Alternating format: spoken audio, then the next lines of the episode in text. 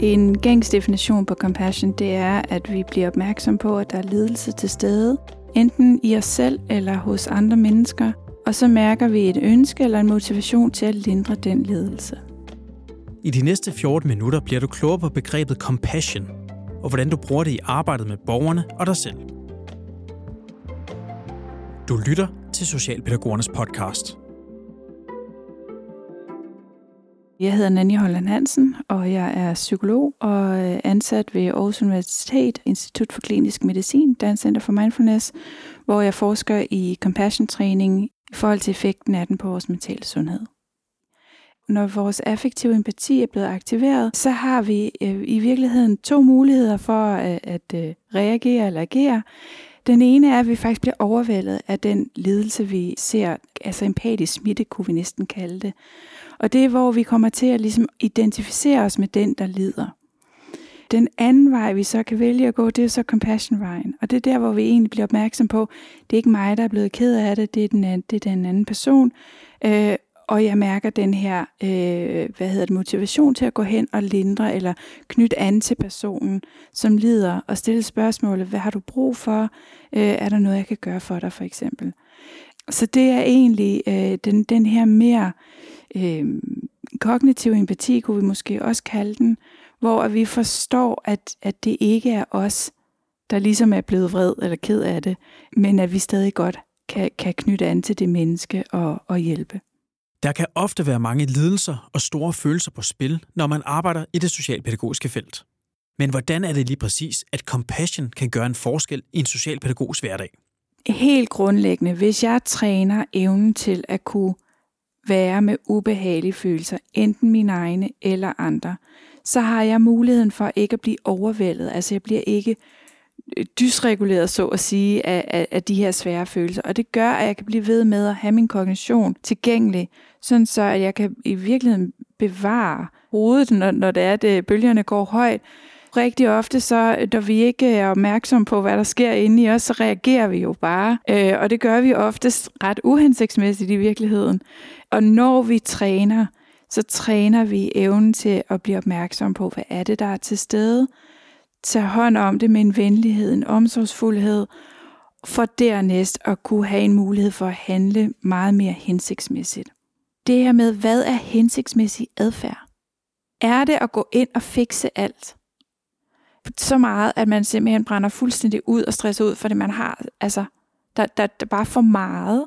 Eller er det nogle gange at, altså, evnen til at kunne være til stede og virkelig lytte, og så høre, hvad er det egentlig, borgeren beder om? Hvad ligger der egentlig under det, som borgeren siger?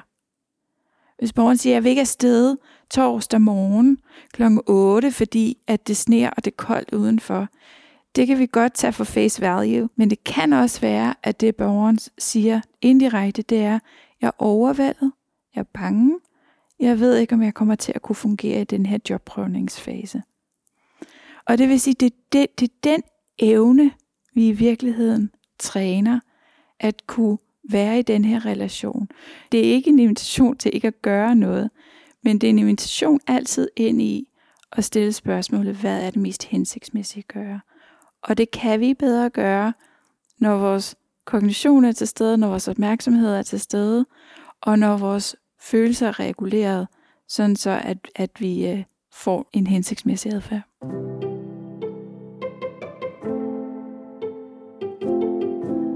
Compassion gør altså op med, at socialpædagogen skal være det afgørende instrument til at hjælpe borgeren videre.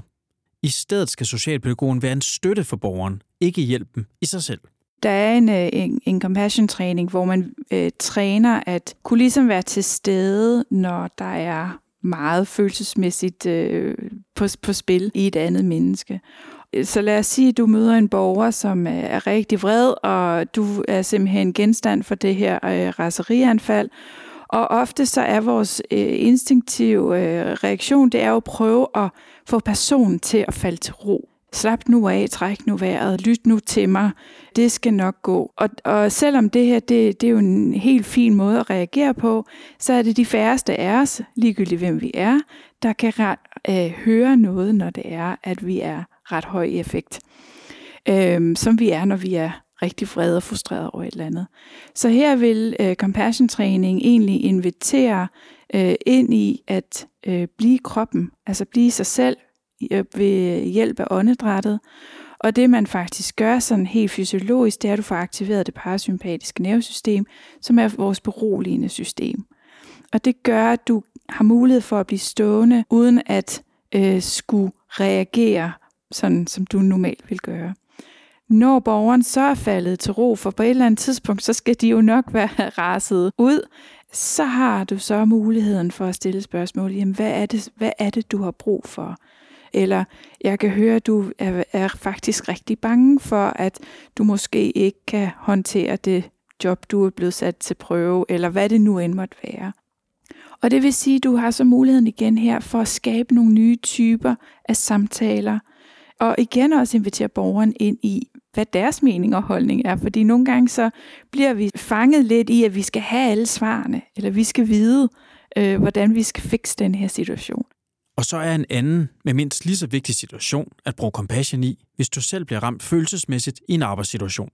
Jamen for eksempel, hvis du nu har en borger, som, øh, som du har øh, haft et længere forløb med, og at den her borger har svært ved ligesom at følge den handleplan, I har lavet, så kan det godt være, at, øh, at du oplever følelser af utilstrækkelighed, eller afmægtighed, eller håbløshed, kvæg at, at du ligesom ikke kan få den her borger til at gøre det, som, øh, som jeres plan er. Og, og de her typer af følelsesmæssige reaktioner er jo fuldstændig normale, men det er også dem, vi vil kalde empatisk lidelse, fordi det er en fortælling om, lige meget hvad jeg gør, så kan jeg ikke få den her person til ligesom at, at gøre det, de skal, eller systemet er simpelthen sat op sådan, at jeg kan ikke øh, få gjort det, som egentlig vil være det bedste for borgerne osv. Så det er den her fortælling om, om den her øh, lidelsessituation. Og når man så træner compassion i stedet for, så er det egentlig bliver opmærksom på, hov, nu er jeg havnet her, hvor jeg har den her fortælling, og i virkeligheden gå ind og starte med at tage, øh, altså give omsorg til de her helt øh, normale og menneskelige følelsesmæssige reaktioner, som det er, når man har en arbejdsopgave, som er mega svær, og som ikke lykkes for en, så kan man godt føle sig utilstrækkelig. Man kan godt blive dybt frustreret over det. Hvor vi så går ind og arbejder med compassion at kunne rumme det ubehag, det skaber i os, når vi ikke lykkes med noget. Og så er det næste, jamen så har vi så faktisk muligheden til at stille spørgsmål. Hvad er så det mest hensigtsmæssige? Er det at gå til sin chef og sige, det lykkes ikke det her? Eller er det at stille borgeren spørgsmål, hvad, hvad tror du, der skal til for, at det her kan lykkes? Så det er først at tage hånd om det følelsesmæssige ubehag, for dernæst at kunne handle hensigtsmæssigt.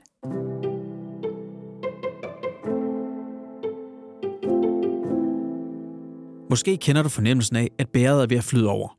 At du har svært ved at rumme andre på arbejdet og måske også derhjemme. Det er det, der kaldes compassion fatigue, altså omsorgstræthed. Omsorgstræthed er jo, når vi oplever øh, en traumatisk hændelse, som sker i et andet menneske, vi forsøger at hjælpe.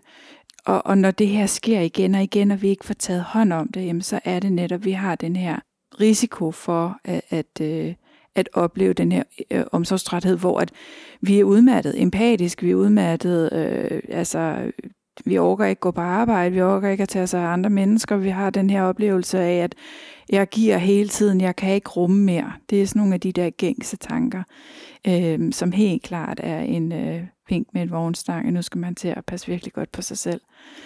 Og der var en, øh, en forskningsgruppe nede i Tyskland, som faktisk netop har været inde og kigge på, hvad er forskellen på empati og compassion. Og det de fandt, det var, at når man trænede empati, altså den her at føle med, jamen så fik man øget negative følelser, og det var smertecentret i hjernen, der blev aktiveret. Så trænede man så compassion i stedet for den her øh, gruppe af, af deltagere, og deres øh, negative følelser kom tilbage til baseline. De fik øget deres positive følelser, og det var belønningscentret, der blev aktiveret. Og de to centre i hjernen overlapper ikke. Og det vil sige igen, når vi ved, at hjernen er plastisk, vi ved, at vi kan træne de her stier og styrke øh, de her sy- synapser osv., jamen så er det jo sindssygt vigtigt fund, de har gjort der, fordi at vi så kan sige, jamen når vi bliver ved med at havne i den her affektive øh, compassion, men som fører til den her empatisk lidelse, så er det smertecenter, der er aktiveret. Og jeg tænker egentlig det ikke, det er ret mystisk, at hvis smertecentret hjernen er aktiveret i 8 timer per dag, så er der måske ikke noget at sige til, at man er helt udkørt og ikke overgår mere. Hvorimod, hvis vi træner compassion, så er det belønningssystemet, der er aktiveret i 8 timer hver dag. Og det er alt andet lige, så må det gøre noget andet for hele vores system. Når vi står i de her situationer, så kan det være en idé at, at både selvfølgelig mærke efter, hvad gør det ved os, som jo har et dybt ønske om at hjælpe et andet menneske, men der er ikke rigtig noget, vi kan gøre. Og den magtesløshed, som, som vi kan opleve, den er uhyre vigtig, at vi tager hånd om og validerer, at ja, det er faktisk det er, øh, sådan, som det er lige nu. Men det er jo ikke det samme, som jeg ikke kan knytte an til personen, der står lige foran mig, og måske bare sidde øh, sammen med den person, eller lytte, velvidende, at der ikke er ret meget, jeg kan gøre ved det. Der er altså mange gode grunde til at bruge compassion. Men hvordan kommer man egentlig lige i gang? I forhold til at komme i gang med at træne compassion, så findes der forskningsbaseret, manualiseret, struktureret 8 ugers compassion forløb, kurser, hvor man mødes to timer om ugen, man træner sammen i en gruppe. Det er lidt ligesom, øh, hvis vi tænker et fitnesscenter, hvor at man starter med at træne sin compassion muskel, den er ikke ret stærk, så derfor så starter vi med to kilos vægt, og så går vi videre til 4 kilo og så videre. Så det vil sige, at hver uge bygger på hinanden, og, øh, og så træner man i ugens løb. Og den måde, vi træner compassion på, det gør vi via meditationer. Fordi de, meditationer har ligesom de her øh, tre typer af øh, mental træning, som vi egentlig laver. Så det vil sige både det her med at træne ens opmærksomhed. Hvad sker der lige nu og her inde i mig? Så træner vi det her følelsesmæssige, at øh, træne positive øh, tilstande. Og vi træner evnen til at kunne være med ledelse, fordi vi inviterer det ind i, i en øh, meditation. Og så træner vi perspektivtagning eller metakognition. Det her med at simpelthen blive opmærksom på, hvad er det egentlig, der sker inde i mig øh, lige nu og her.